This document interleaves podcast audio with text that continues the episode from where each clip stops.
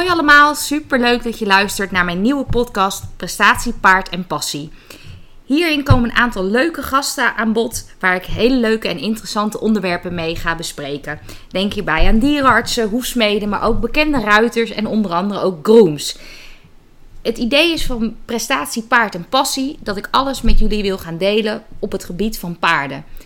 Juist die passie en juist die prestatie met elkaar combineren en daarin welzijn, maar ook plezier voorop laten staan. Mijn grote passie ligt in het fokken van dressuurpaarden. Uh, ieder jaar krijgen wij zo'n 4 à 5 uh, dressuurveulentjes.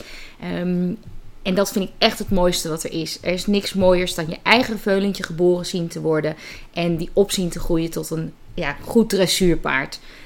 Daarnaast heb ik vroeger altijd gereden. Helaas heb ik um, een hernia gekregen.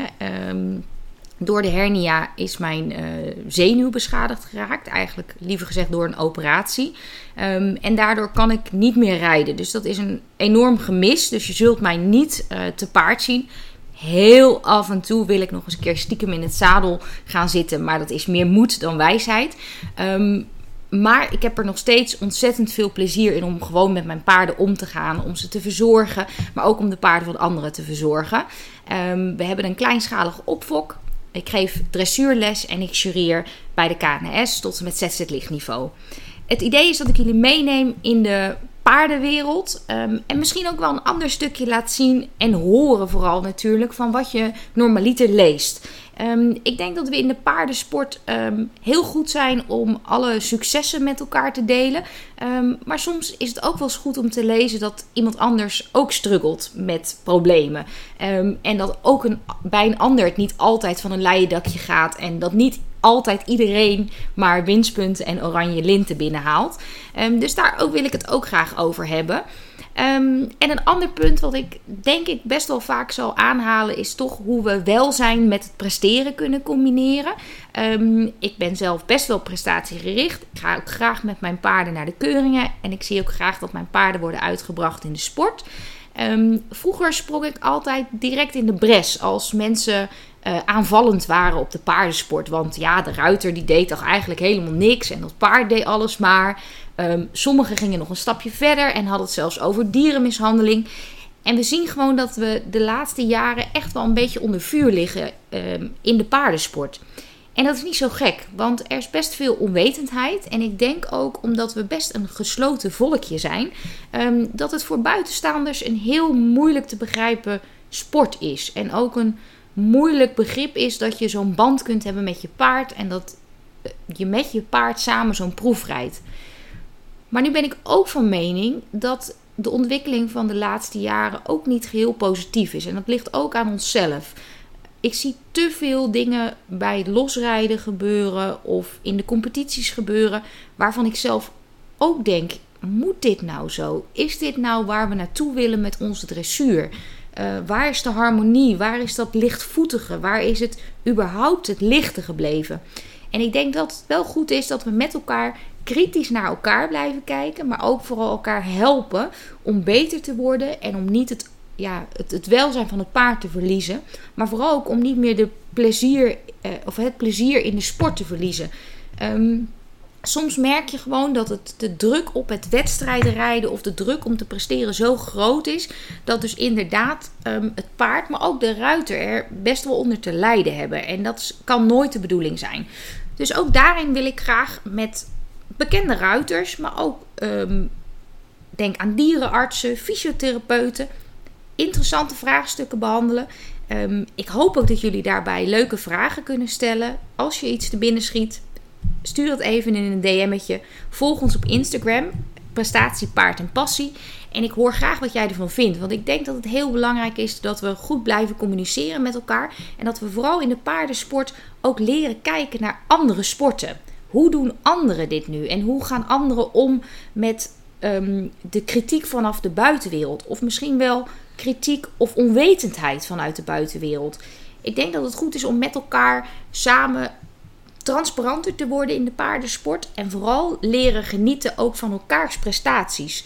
Um, er is soms best wel wat afgunst in de paarden. En waar, waar komt dat nu eigenlijk vandaan? Ik, ik, het is een vrij individuele sport. En ik denk dat als je iedere paardeneigenaar vraagt, zijn of haar paard is voor hem of haar de mooiste en de beste. Maar uiteindelijk kan er maar één de beste zijn op de wedstrijd. En toch zie je vaak dat er dan wat afgunst heerst. Van eigenlijk had die mee moeten gaan in het team. Uh, ja, ik had eigenlijk moeten winnen, maar ik had even een foutje. Of ja, ik werd gestoken door een vlieg. Mijn paard schudde. Mijn uh, single zat niet goed. Ik noem het maar. En dat stukje excuses zoeken, dat is wel iets wat toch wel een beetje binnen de paardensport lijkt te heersen. En ik zou het mooi vinden als we daar met elkaar een uh, ja, kleine verandering in kunnen aanbrengen.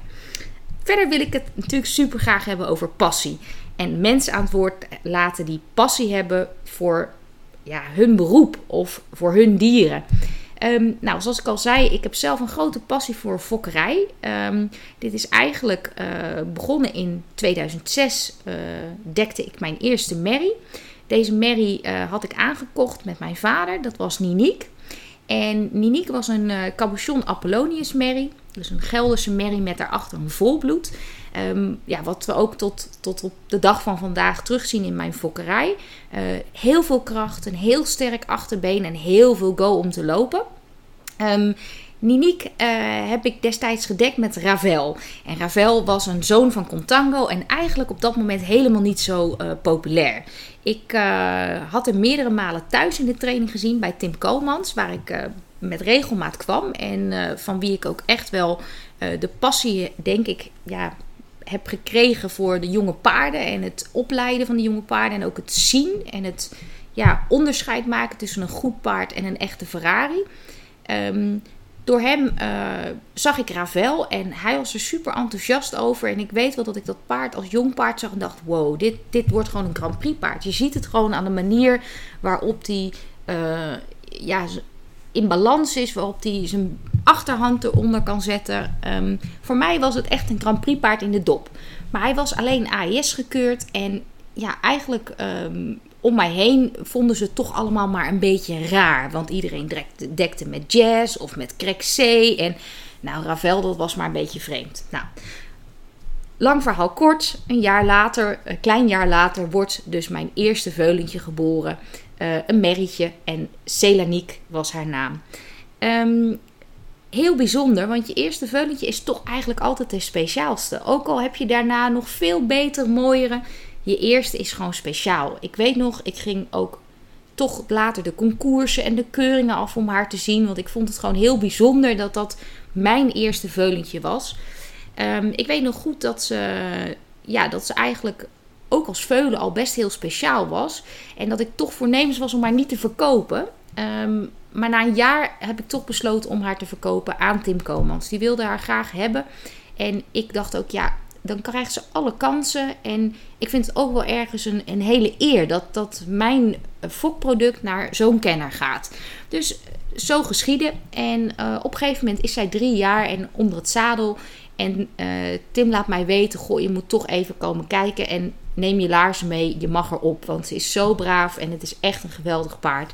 Nou, dat was natuurlijk super bijzonder dat ik um, toen ze drie jaar oud was, toch nog even op mijn eigen gefokte veulentje mocht rijden. En, en het was inderdaad waanzinnig. Dat, dat paard voelde zo stabiel. Je had helemaal niet het idee dat je op een driejarige zat. En toen dacht ik echt, wow, dit is, dit is wel echt heel bijzonder.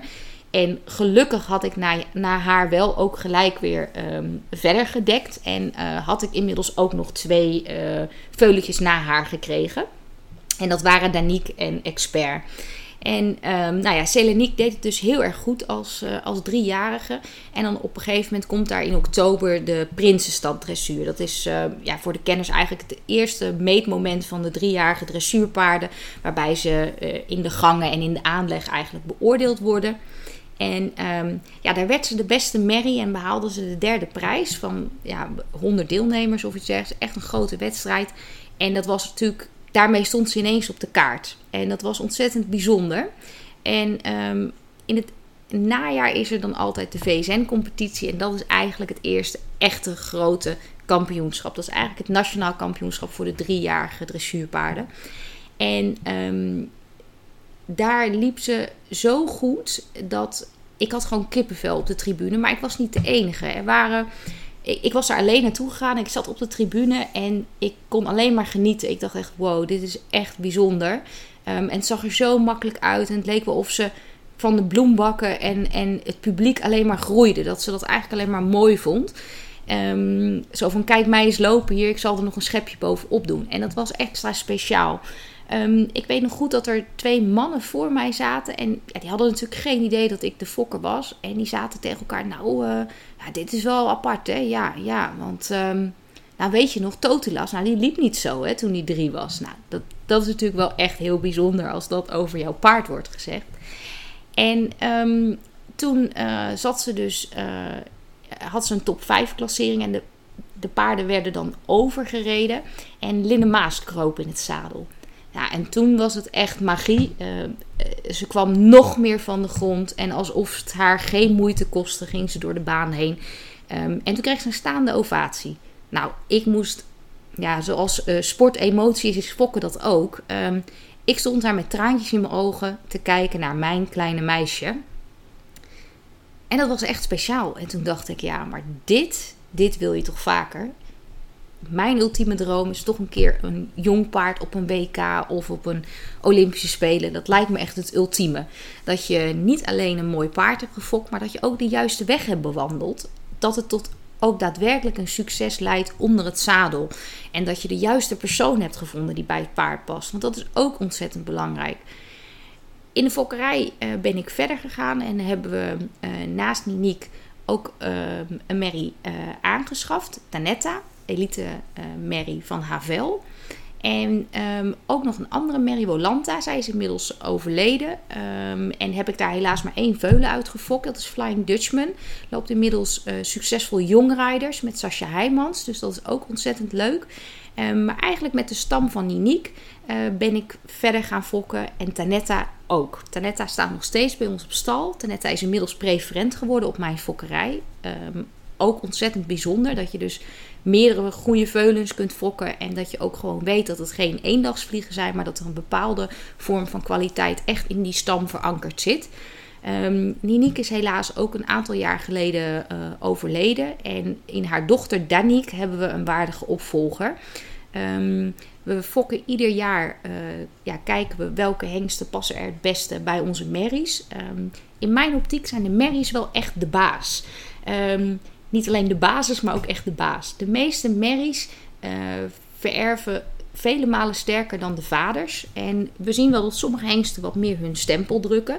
dus we zien wel dat bepaalde hengsten echt wel bepaalde eigenschappen doorgeven. Maar in mijn optiek moet je echt wel een goede merrie hebben, wil je daarmee uh, gaan fokken. En zeker wil je dat op commerciële basis doen. Dus wil je daar ook anderen blij mee maken en wil je daar je, je brood mee verdienen, zul je goede merries moeten hebben. En fokken is echt een meerjarenplan. Je moet um, echt een plan hebben en niet denken fokken is gokken. Dat, dat hoor ik in de wandelgang heel vaak. En ik vind dat altijd echt een enorme dooddoener. Want fokken is gewoon je huiswerk maken. Maar je moet wel degelijk wat geluk hebben. Maar het is geen gokken. Je, uh, gokken is iets dan weet je helemaal niet wat de uitkomst is en doe je maar wat op hoop van zegen. Nou, dat is echt niet zo je moet heel kritisch durven kijken naar je merries. Heel goed onder vergrootglas kunnen leggen. Wat zijn nu de goede eigenschappen van de merrie en wat zijn nu de punten die ik wil verbeteren? Um, en het kan ook zijn dat het in de loop van de jaren wat verandert, omdat je ziet dat vanuit de nakomelingen toch een andere eigenschap naar voren komt. Um, zo zie ik bijvoorbeeld bij onze Danique dat zij dus heel veel maat fokt. Zij is zelf maar 1,67. Um, maar we zien dat daar dus eigenlijk allemaal 71 paarden plus uitkomen. Nou, dat is iets dat kun je de eerste twee keren niet weten. Dat komt iets wat pas later is als ze wat ouder zijn. En zo proberen we toch ook ons fokkerijplan wat aan te passen. We hebben wel, uh, denk ik, een duidelijke keuze gemaakt dat we voor topsport fokken. Dat wil niet zeggen dat onze veulens niet geschikt zijn voor amateurs. Um, maar ik denk dat we vooral heel erg goed kijken wat zoekt de klant en welke merrielijn past daar het beste bij? Um, en dat we daarin dan ook selecteren en vragen: wat zijn je wensen? Hoe zie je jezelf later? En welk veuletje zou daaraan kunnen voldoen? En dan heb je toch met bepaalde bloedlijnen dat ik gewoon weet: daar wordt iedereen gelukkig van. Daar kan iedereen zo mee weg. Ongecompliceerde paarden. Um, en dan hebben we ook de paarden die gewoon toch net iets sensibeler zijn, net iets scherper, maar wel iets waar echt een Grand Prix ruiter naar op zoek is. Eén die zegt, hoor eens, deze heeft geen drie versnellingen, maar wel acht. Ehm, een paard wat je echt kunt fine-tunen. En dat is denk ik ook wel de taak aan de, aan de fokker of de verkopende partij. Dat je toch ehm, niet alleen de klant, uh, ja, als het ware een paard laat kopen. Ik vraag wat voor doel ze hebben. En met dat doel probeer ik daar het meest geschikte paard bij te vinden. En dan is het eigenlijk, tuurlijk is het zo dat op het moment dat je veulens fokt, dat mensen komen met interesse voor een bepaald veulen. En 9 van de 10 keer ehm, klopt dat ook, omdat we veel informatie al over de veulens hebben en over de moeders. Maar soms zijn er ook klanten die nog net niet helemaal weten wat past nou eigenlijk bij mij. Waar ben ik eigenlijk naar op zoek? En dat is ook waarom ik graag paarden eigenlijk, of eigenlijk alleen maar uit onze eigen fokkerij verkoop. Ik weet wat ik verkoop en ik weet ook hoe de merries zijn. Ik weet hoe broers en zussen zijn. En dan weet ik gewoon, oké, dit zijn goede matches. En um, ik denk dat dat heel erg belangrijk is om ook eindsucces uh, te behalen. Verder wat ik ontzettend belangrijk vind, um, is het investeren in mijn merries en veulens. Voor mij zijn de merries en veulens um, ontzettend belangrijk. Maar als het goed is, ben ik dat ook voor hen. Um, we hebben een goede band. En dat zorgt ervoor dat de moeders ook ons altijd bij de veulens laten. En dat we alles met de veuletjes mogen doen. Heel erg belangrijk is um, de, de opvoeding van de veulens. Uiteraard doen de merries dat grotendeels, maar wij ook. Dus wij zorgen dat ze vanaf dag 1 een halstertje omkrijgen. Dat ze leren om contact te hebben met ons. Um, dat ze mee moeten lopen aan een touwtje. Dat ze geborsteld worden, maar ook afgespoeld. Dat we aan de oortjes mogen zitten, beentjes optillen. Um, vroegtijdig kennis maken met de hoefsmid, zodat ze weten het is goed. En dan zien we dus ook dat het uh, fokken van Ferraris, dat dat helemaal geen belemmering hoeft te zijn. Als je maar gewoon eerlijk tegen ze bent. En ze tijdig in de hand hebt en gewoon heel veel met ze optrekt. En dan zie je dus ook dat de paarden um, heel makkelijk eigenlijk zadelmak worden. En dat dat helemaal geen strijd hoeft te zijn. Mijn paarden vinden het leuk om te werken. En die vinden het fijn om bij ons als mens te zijn. Um, omdat ze vanaf dag 1 uh, weten dat, dat we het goede met ze voor hebben. Um, naast onze eigen veulentjes hebben we ook veulentjes in de opvolg van klanten. Um, eigenlijk is het zo dat als klanten bij ons een veulentje kopen, dat ze dan de keuze hebben om hier te laten. Dat heeft ook onze voorkeur. Zodat we ja, niet alleen dat veulen verkopen, maar dat we ook uh, kunnen bijdragen aan een ja, een uiteindelijk goed gezond sportpaard. Die gewoon de eerste drie jaar dat hij bij ons staat, dat hij goede voeding krijgt, genoeg beweging, frisse lucht en veel in de hand is. Waardoor de klant eigenlijk meer kans op succes heeft later. Op het moment dat we nog plek vrij hebben naast de, de veulens die bij ons geboren zijn, dan komen er veulentjes van buitenaf bij. En um, vaak zien we daarin toch wel een, een verschil dat die minder goed in de hand zijn geweest. En dat is ook iets wat eigenlijk best heel lang duurt voordat je dat dan hebt opgelost. Dus het is voor ons ontzettend fijn um, dat mensen tegenwoordig daar ook echt wel het nut van inzien om meer met hun veulentje te doen voordat ze ze in de opvolg brengen. Um, en dat vooral ook zeker als ik over mijn eigen klanten praat, dat mensen dat ook echt als van meerwaarde achten. En dat ze zich daar heel bewust van zijn. Dat is echt een investering voor later. Um, die, die eerste twee jaar die kun je nooit meer overdoen. Niet qua uh, verzorging en um, qua uh, karakter, maar ook zeker qua gezondheid. Um, die eerste jaren die groeien die botten, ze zijn volop in ontwikkeling. Als ze dan te weinig beweging krijgen of in de winter te weinig buiten komen, te weinig frisse lucht. Geen goede voeding, dan heeft dat hele grote gevolgen. Waar je de rest van het leven eigenlijk um, ja, last van kunt houden. En dat is iets waar we echt heel erg in investeren. Um, dus goede voeding, maar ook iedere dag naar buiten met soortgenootjes. Uh, veilige omheiningen. En ja, zo probeer ik eigenlijk ook um, die kennis daarin te delen. Dus we, ik organiseer bijvoorbeeld fokkerijworkshops voor iedereen die zegt: Nou, ik wil eens een keer een veulentje fokken, lijkt me wel leuk. Of ik twijfel nog heel erg, of wat kost het nu eigenlijk? En daarin wil ik heel graag wat kennis delen en zorgen dat je goed um, voorbereid bent. Nou, dat fokken, dat, uh, wat ik al aangaf, dat is echt onze passie. En naast onze um, merries, uh, we hebben inmiddels uh, vijf merries waar we mee fokken, um, hebben we ook een dekhengst. Nou, en dat maakt het natuurlijk extra speciaal. Een zelfgefokte dekhengst uit onze elite preferente Meritanetta is uh, acht jaar geleden onze Hero geboren. Nou, een Hero um, heeft een heel speciaal plekje in mijn hart. Uh, toen Hero geboren werd, toen zagen we al direct van jij bent een hele speciale jongen. Hij uh, ging gelijk kaarsrecht staan en hij zijn hoofd altijd op een bepaalde manier scheef als je aankwam lopen om je aan te kijken. Eigenlijk net als een hond. En op de een of andere manier doet hij dat nog steeds. En ik denk ook dat hij stiekem wel een beetje weet dat hij heel erg knap is. Um, Hero die, uh, is dus bij ons altijd in de, in de opvoek geweest. En um, we hebben met hem een klein experimentje uitgevoerd. Um, ja, zoals je misschien zelf ook wel eens door hebt gehad, zijn de meeste paarden linksom makkelijker dan rechtsom. En ik had daar zelf wel een beetje een theorie over. We doen alles vanaf de linkerkant. Dus uh, we lopen aan de linkerkant, we doen linksom het halster om, we leggen vanaf links het zadel op, we stijgen op vanaf links. Alle riempjes zitten aan de linkerkant, of je nu een deken pakt of een hoofdstel, alles maak je vanaf links. En dat houdt ook in als je altijd links loopt van het paard, dat je hem ook altijd draait naar links, corrigeert naar links. Um, hij loopt altijd links iets afgebogen in plaats van ook naar rechts. En bij Hero hebben we um, ja, eigenlijk gewoon omdat ik er benieuwd naar was, hebben we ook aan de rechterkant gelopen. En eigenlijk net zoveel rechts gedaan als uh, links. En wat blijkt nu?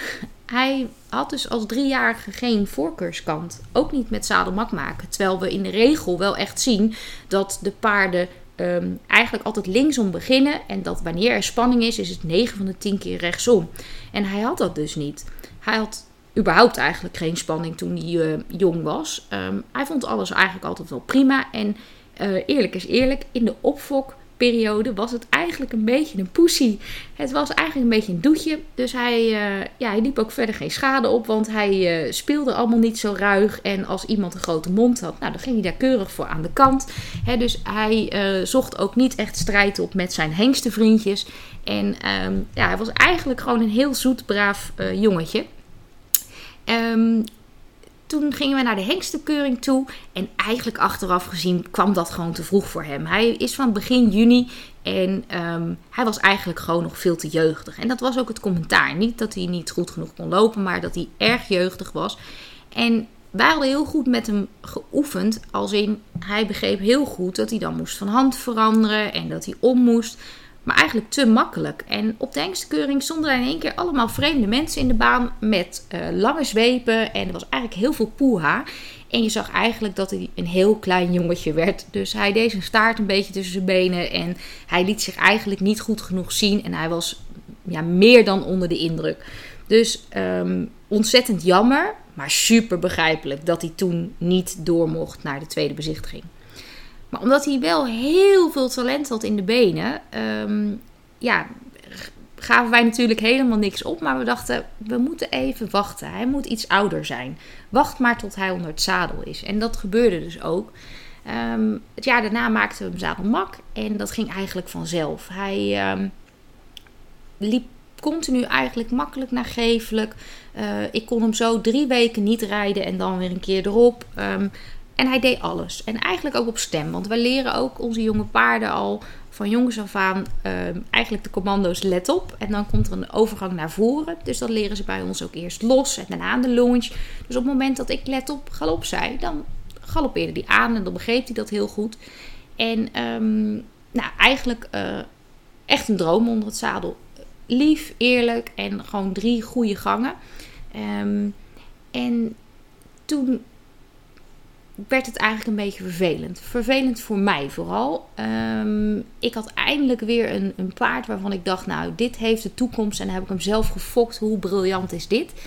Uh, en net de week voordat de Prinsstaddressuur was, uh, kreeg ik enorme buikpijn. Uh, lang verhaal kort, ik moest naar het ziekenhuis en ze dachten dat er een, een gaatje in mijn ehm, buikwand zat. Dus ik moest acuut geopereerd worden ja, dat was dus geen Prinsenstad. En ja, om zo op zo'n korte termijn dan iemand te vinden die daar even op kan, ja, dat, dat ging ook niet zomaar lukken. Um, en toen uh, ja, kwam er dus ook, uh, ja, hij stond dus even stil. Nou, dat was allemaal nog niet zo erg, want dit ging weer over, dacht ik. Nou, niets bleek minder waar, want ik had net weer één keer gereden. En ehm, ja, voor eigenlijk gewoon, ik liep op een dag door de kamer en er schoot een enorme pijn in mijn uh, linkerbil en been. En het was in één keer helemaal verdoofd. En ik heb nog nooit zo'n intense pijn gevoeld. En ehm, achteraf bleek ik dus een, een uh, hele grote hernia te hebben. En uh, wat waarschijnlijk op dat moment dus echt ja, doorgebroken was. Um, daardoor uh, heb ik uiteindelijk een operatie nodig gehad. Uh, en van de operatie heb ik een zenuwbeschadiging overgehouden. wat kort gezegd inhield dat ik dat in eerste instantie natuurlijk en de artsen ook niet gelijk door hadden dat het na die operatie dan door de operatie ook echt mis was gegaan. Maar ondertussen werd Hero dus nog steeds um, ja, niet uitgebracht. Ik had gelukkig uh, Nicole. Nicole werkt al heel lang bij ons. Die, die reed er gelukkig lekker op en hij kreeg gewoon zijn beweging. Um, maar hij was dusdanig talentvol dat we dachten: ja, hij moet eigenlijk wel Pavel Cup of iets lopen. Hij maakt daar zeker een goede kans. En uh, toen zijn we eigenlijk bij uh, Femke de Laat terechtgekomen. En die heeft Hero heel succesvol uitgebracht in de Pavel Cup, waar hij tot de finale heeft bereikt. Um, Nadien heeft Hero, is hij goedgekeurd bij het AIS. Uh, hij heeft daar de status approved gekregen. Wat inhoudt dat hij uh, voor ieder stamboek dat hij erkend wordt. Dus dat je bij ieder stamboek je veulentje kunt registreren. En um, eigenlijk uh, daarna heeft hij nog Cup finale gelopen. En was hij, ja, heeft hij dus al op zijn vierjarige leeftijd op Jumping Amsterdam in de rij gelopen. Nou, dat was ontzettend bijzonder om mee te maken. Um, hij uh, heeft hengstcompetitie gelopen. En eigenlijk allemaal dingen waar je ja, als, als fokker en als eigenaar zo trots als een pauw langs de kant staat. En het eigenlijk ook helemaal niet uitmaakt waar je eindigt. Um, maar het is gaaf om dat mee te maken. Um, daarna bleek het ontzettend lastig om een ruiter te vinden die ook bij ons aan huis wilde komen. En dat is best een heel moeilijk stukje geweest. Want ik wilde niets liever dan zelf rijden. Um, maar het ging dus gewoon niet. Ik had te veel pijn.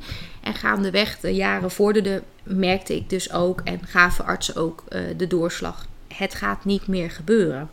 Uh, mijn zenuw is dusdanig beschadigd dat ik uh, weinig kracht heb in mijn linkerbeen en eigenlijk altijd pijn heb. En um, die zenuw is dusdanig uh, beschadigd dat hij continu pijnsignalen eigenlijk stuurt naar mijn hersenen, waardoor ik dus um, veel pijn ervaar.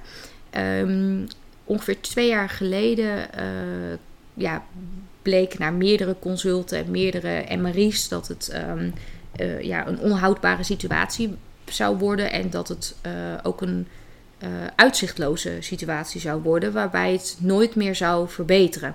En ik ben toen in aanmerking gekomen voor een neurostimulator. Nou, inmiddels heb ik dat. Dat is een computertje in mijn rug met elektroden op mijn ruggenmerg. En die elektroden die geven stroom. En die zorgen eigenlijk ervoor dat die pijnsignalen die mijn kapotte zenuw naar mijn hersenen stuurt, dat die wat in een verzwaktere vorm aankomen. Zodat ik uh, mijn hersenen niet continu denken dat ik in nood ben of dat ik uh, doodga van de pijn. Um, maar dat het, uh, ja, zo gezegd waardeloos is. Dat het uh, zeker zeer doet, maar dat ik niet doodga. En dat houdt in, um, om het heel simpel te zeggen, dat als het goed werkt, gaat mijn pijn ongeveer door de helft. Um, ik mag niet draaien, ik mag niet vallen en ik mag geen onverwachte bewegingen maken. Um, dat past dus niet bij paardrijden. Want ook al heb je nog zo'n braaf paard, een onverwachte beweging zit er eigenlijk altijd in. Ik kan mijn bovenlichaam niet uh, losdraaien van mijn onderlichaam. Dus dat is eigenlijk voor rijden niet haalbaar. En ik heb echt nog wel een paar keer even erop gezeten. Omdat ja, vooral Hero en, en bijvoorbeeld uh, Trix, uh, Bolivia zeg maar. Um, dat zijn echt mijn vriendjes. En ik weet zeker dat ze mij niks zullen doen. Maar ik kan niet zelf opstappen. Ik kom er niet zelf af. Um, dus dat is ontzettend lastig. En dat is ook een stukje waarin ik um, heel veel ben verloren. Maar ook een stukje waarin ik um, ja, misschien wel mijn passie op andere dingen heb moeten richten. En daardoor misschien ook wel meer dingen heb ontdekt die ik anders niet had gedaan.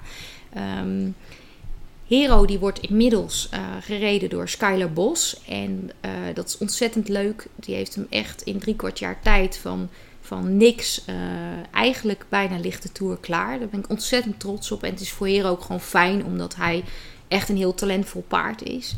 Um, maar hij is echt mijn vriendje en ons vriendje. Mijn man Thijs is ook ontzettend gek op hem. En het is echt een heel markant paard. Een, een, persoonlijkheid om op stal te hebben. En um, daarnaast is die ook heel uh, gunstig om op stal te hebben. Want waar zorgt een dekhengst voor? Dat onze merries uh, goed hengstig worden en goed in een cyclus zitten. Want hij geeft ons exact aan wie wanneer zover is. En um, het is nog mooier dat we naast van hem ja, van hem kunnen genieten, nu inmiddels ook van zijn nakomelingen kunnen genieten.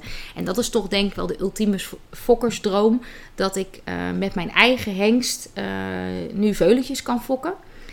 Um, de oudste zijn inmiddels twee jaar. Dat zijn Ninique 2, die ik dus vernoemd heb naar haar oma. En Next One. En Next One komt uit de dochter van Danique, uit Just a Dream. Dat is een Dreamboy Mary. En um, ja, dat lijkt ontzettend veelbelovend. Dus we zijn daar heel erg trots op. En uh, voor mij ja, zijn we nu bezig met de vierde generatie paarden. En dat, dat maakt het extra speciaal. Dus we hebben van iedereen wel broertjes of zusjes staan, moeders, oma's. En dat maakt ook denk ik dat we zo'n goede band hebben met onze paarden. Omdat we ze simpelweg gewoon al zo lang kennen. En voor mij mijn paarden zijn echt mijn familie. En dat klinkt soms een beetje gek, maar um, ik denk dat ik uh, net zoveel van een dier kan houden als van een mens. En dat is soms best lastig voor mensen om dat te horen of te begrijpen. Maar ik denk iedereen die echt één op één met zijn paard bezig is, die, die zal mij daarin begrijpen. Dus um, en, en soms zullen mensen ook denken, nou, dit is een beetje too much. Uh, doe maar even een tandje lager. Maar dat is wel echt wat paarden voor mij betekenen. Paarden zijn voor mij uh, vertrouwen, uh, liefde. Um, en ik, ja, ik kan daar niet anders dan liefdevol over praten. Ik wil heel graag die passie met jullie delen over dat stukje fokkerij en ook over het opleiden van de jonge paarden. Um, ik heb daar best wel een, een, eh, visie over, wat belangrijk is. En ik denk dat we soms best te snel gaan met de paarden. En het is ook heel uitnodigend. En zeker als je talentvolle paarden hebt, die bieden vaak zelf ook meer aan dan dat wellicht goed voor ze is. En dan kom ik altijd op het punt wat ik ook tegen mijn leerlingen zeg: um, wij zijn degene met hersenen. Zij hebben uh, gewicht en kracht, um, maar wij zijn wel degene met hersenen. Wij kunnen dingen overzien. Wij beseffen dat iets te veel voor ze kan zijn. Of wij hebben de wetenschap dat je beter met sommige dingen even kunt wachten. Um, ik denk dat het echt aan ons uh, is om ervoor te zorgen dat onze paarden uh, fatsoenlijk en netjes worden opgeleid. Maar dat we ze ook in hun waarde laten. En dat we ze soms dus ook tegen zichzelf beschermen. Um, ik geloof niet in um, dat. Uh, als paarden het echt niet zouden willen, dat ze het dan niet zouden doen. Ik denk dat sommige paarden inderdaad heel veel karakter hebben. En dat die dus inderdaad uh, ja, strijd met je aan zullen gaan. Maar ik denk dat het gros van de paarden dusdanig werkwillig is. Dat ook wanneer we niet helemaal ja, realistisch tegen ze zijn. Of niet helemaal reëel zijn in wat we vragen. Dat ze toch zullen proberen om het voor ons te doen. En, en dat is wel iets waar we met z'n allen voor moeten waken. Dat we um, niet onze droom opleggen bij uh, de paarden, maar dat we het samen waarmaken. Dus dat je ook altijd kritisch blijft kijken als je een paard aanschaft. Of als je misschien zelf een veulentje fokt en je wil daarmee verder. Dat je ook kritisch blijft van, is het haalbaar om dit van dit type paard te verlangen? Of van dit paard met deze bouw? Of van dit paard met dit karakter? Om bepaalde prestaties die je misschien zelf heel graag wil, om dat ook te verlangen. Ik ben ervan overtuigd dat ieder paard met een goed management, dus met gezonde voeding en met rust en geduld, uh, heel ver kan komen. Dus dat je met ieder paard ook echt dat zou moeten kunnen. Um, maar ik denk ook dat we in de regel te veel talentvolle paarden uh, verliezen aan mismanagement. Omdat of de ruiter net niet past, of het moet allemaal wat sneller. Want eigenlijk als ze zes jaar zijn en, en ze springen nog geen wissel, dan ben je eigenlijk al te laat. Dan ben je al, uh, zijn ze al oud. Um, die paarden moeten allemaal presteren. En, en zeker als we kijken naar de jonge hengsten, ik vind dat die best al heel veel moeten. Ehm, terwijl als ze vier zijn en ze draven en galopperen mooi rond, is het toch ook prima. Um, moeten ze dan al meer oprichting? Of ik, ik hoor dan in het commentaar bijvoorbeeld, ja, het paard zou nog meer berg op mogen. Dan denk ik, ja, dat lijkt me nogal wiedes. Um, als een driejarig of vierjarig paard al perfect bovenin loopt, ja, dat, dat kan helemaal niet. Als we kijken naar de opleiding en, en de groei van een paard, um, dan is het logisch dat daar nog wat werk in zit.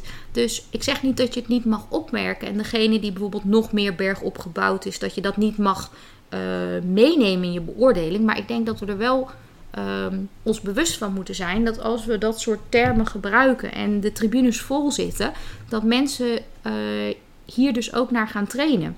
En dus ook denken, ja, maar dit is niet goed genoeg voor een Pavo Cup of voor een jonge paardencompetitie. Mijn paard moet veel meer bovenin, uh, moet veel meer van de grond. Terwijl uiteindelijk heb ik altijd geleerd uh, dat de draf is echt waar we het meest aan kunnen doen. Uh, paarden die, die ontzettend simpel draven, maar gewoon een correcte tact hebben. Naarmate ze kracht winnen, is een draf iets wat je kunt leren. En wat je als ruiter heel, eigenlijk heel goed uh, bewerkbaar kunt maken. Ik hecht bijvoorbeeld zelf heel veel waarde aan een goede stap. Dat is nou net iets waar je als ruiter helemaal niet heel veel aan kunt sleutelen. En vaak zien we juist hoe meer de ruiters aan de stap gaan doen, hoe beroerder die stap eigenlijk wordt. Dus ik ben vrij snel ben ik gaan uh, selecteren op goede stap. Omdat ik dacht, ja, die draf dat is wel heel gaaf. En ik zeg ook eerlijk, een goed dravend veulen. Tuurlijk zie ik dat ontzettend graag. En verkoop je die misschien ook makkelijker dan een goed stappend veulen. Want dat, dat vinden mensen ontzettend moeilijk om te zien. En dat is niet die blikvanger. Hè? Ik bedoel, we staan niet met z'n allen langs de kant en zeggen: Wow, dit was echt zo'n fantastische uitgestrekte stap kippenvel. Terwijl als een paard heel ruig eroverheen draaft, dan hebben we allemaal kippenvel en vinden we dat heel mooi. Dus dat is ook best een moeilijk punt. Maar uiteindelijk denk ik dat je voor bruikbare paarden moet gaan. En dat we ook moeten kijken wat heeft onze sport nodig. En dat is toch wel een, een krachtig achterbeen. En dat voorbeen, als het goed is en het paard is goed in balans en kan op de achterhand uh, goed zichzelf dragen, dan komt die voor, komen die voorbenen vanzelf. En ik persoonlijk vind ik het jammer dat we wel roepen met elkaar. Uh, hè, de jonge paarden moeten minder van verwacht worden. Moeten ons meer richten op harmonie en op um, ontspanning. Maar dat we in de praktijk toch echt wel zien dat die paarden niet winnen. En dat daarmee ook, denk ik, een verkeerd signaal naar de amateurruiters wordt afgegeven. Dat dit dus het beeld is wat we willen. Um, tuurlijk, als een jong paard uh, mooi op zijn eigen benen loopt en hij loopt daarin wat uh, enigszins bovenin, omdat hij nou simpelweg gewoon heel goed gebouwd is.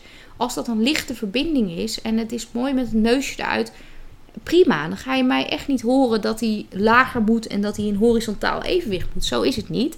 Maar ik zie te veel dat de paarden die eigenlijk wel nog in horizontaal evenwicht zijn, dat die eigenlijk ja, uh, geforceerd gereden worden om maar uh, de voorhand omhoog te krijgen. En eigenlijk zijn ze daar gewoon nog te jong voor om dat soort dingen te forceren. Um, ik denk gewoon recht aan twee teugels, ontspannen. Ik vind het ontzettend belangrijk dat de paarden kunnen halstrekken altijd. Dat is iets wat ik ook aan mijn leerlingen altijd meegeef. Je moet gewoon te alle tijden die hals kunnen laten vallen. Hoe moeilijk je oefening ook is, of hoe scherp je ze er ook aan hebt staan. Het paard moet altijd terug kunnen naar ontspanning. Want het paard is van nature gewoon een, een vluchtdier. En die wil heel graag ontspanning. Er is geen grotere beloning voor een paard dan ontspanning en zich vertrouwd voelen. Dus ik denk dat dat ook iets wat we uh, gelukkig ook steeds meer zien. Dat ruiters zich daar bewust van zijn. Dat echt ontspanning nodig is om te kunnen aanspannen. Um, ik ga daar ook met een aantal uh, ruiters natuurlijk over praten. Want ik heb zelf nooit Grand Prix gereden. Dus ik uh, wil ook graag de mening daar van anderen in, in horen. Um, maar ik hoop dat we met elkaar kunnen discussiëren over uh, trainingen, over jonge paarden, maar vooral ook elkaars uh, ja, passie kunnen gaan waarderen en ook iets van die passie kunnen leren. En misschien wel ja, dat ik zelfs een van jullie weet te motiveren om kritisch naar je eigen training te kijken. Of um, misschien wel om te motiveren om een fantastisch veulentje te fokken. Ehm, de paardensport is super mooi. En ik uh, hoop dat we het in de komende jaren nog heel veel mooier kunnen gaan maken. En dat we kritisch met elkaar durven kijken naar waar we nu staan en waar we naartoe gaan. Um, en dat we ervoor waken dat dus um, dressuur geen dressuur wordt. Want zo is het naar mijn idee nu wel een beetje. Ook de mening vanuit uh, de journalistiek is best wel ja, problematisch, denk ik. Uh, zeker als we zien dat er journalisten schrijven over de sport die um, geen weet hebben van de sport. Dat is zoiets als ik uh, verslag zou gaan geven over hockey of voetbal. Um, ik heb wel eens een keer van een bekende naam gehoord en we weten allemaal wie Ronaldo en Messi zijn. Maar het zou niet reëel zijn als ik daar een bepaalde techniek ga uh, toelichten. Of als ik ga zeggen, nou, die warming-up had anders gemoeten, want dit, dit slaat nergens op. Ik weet er te weinig van. Dus ik denk dat het ook hierin goed is als we media meer zouden betrekken. En ook als een aantal um, uh, vooraanstaande ruiters en Amazones zich toch ook vaker laten zien in de media.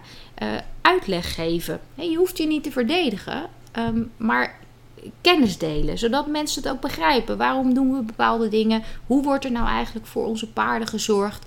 En uh, dat we daarin wat transparanter zijn um, en ook dingen daarmee wat voor zijn. Um, en dat neemt natuurlijk niet weg dat er ook wel degelijk dingen gebeuren die ik als uh, liefhebber ook gewoon uh, ja, eigenlijk niet kan aanzien. Ik zie soms ook met losrijden dingen dat ik denk: ja, moet die stang nou zo overdwars erin? Moet je nou zo hard schoppen? Moet je nu zo hard trekken? Um, dat is ook niet oké. En ik denk ook dat het uh, goed is dat we elkaar daarop durven aan te spreken. En ook als het misschien om een bekende ruiter of Amazone gaat, dat mensen.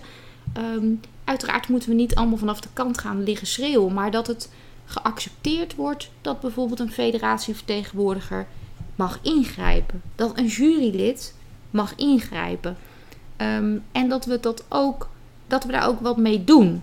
Want het is zonde als uh, onze dressuur en onze paardensport straks verdwijnt, omdat er um, te weinig kennis wordt gedeeld met elkaar en dat er een aantal uh, zich misschien ook wel echt misdragen op wedstrijd. Waardoor dat verkeerde beeld ontstaat.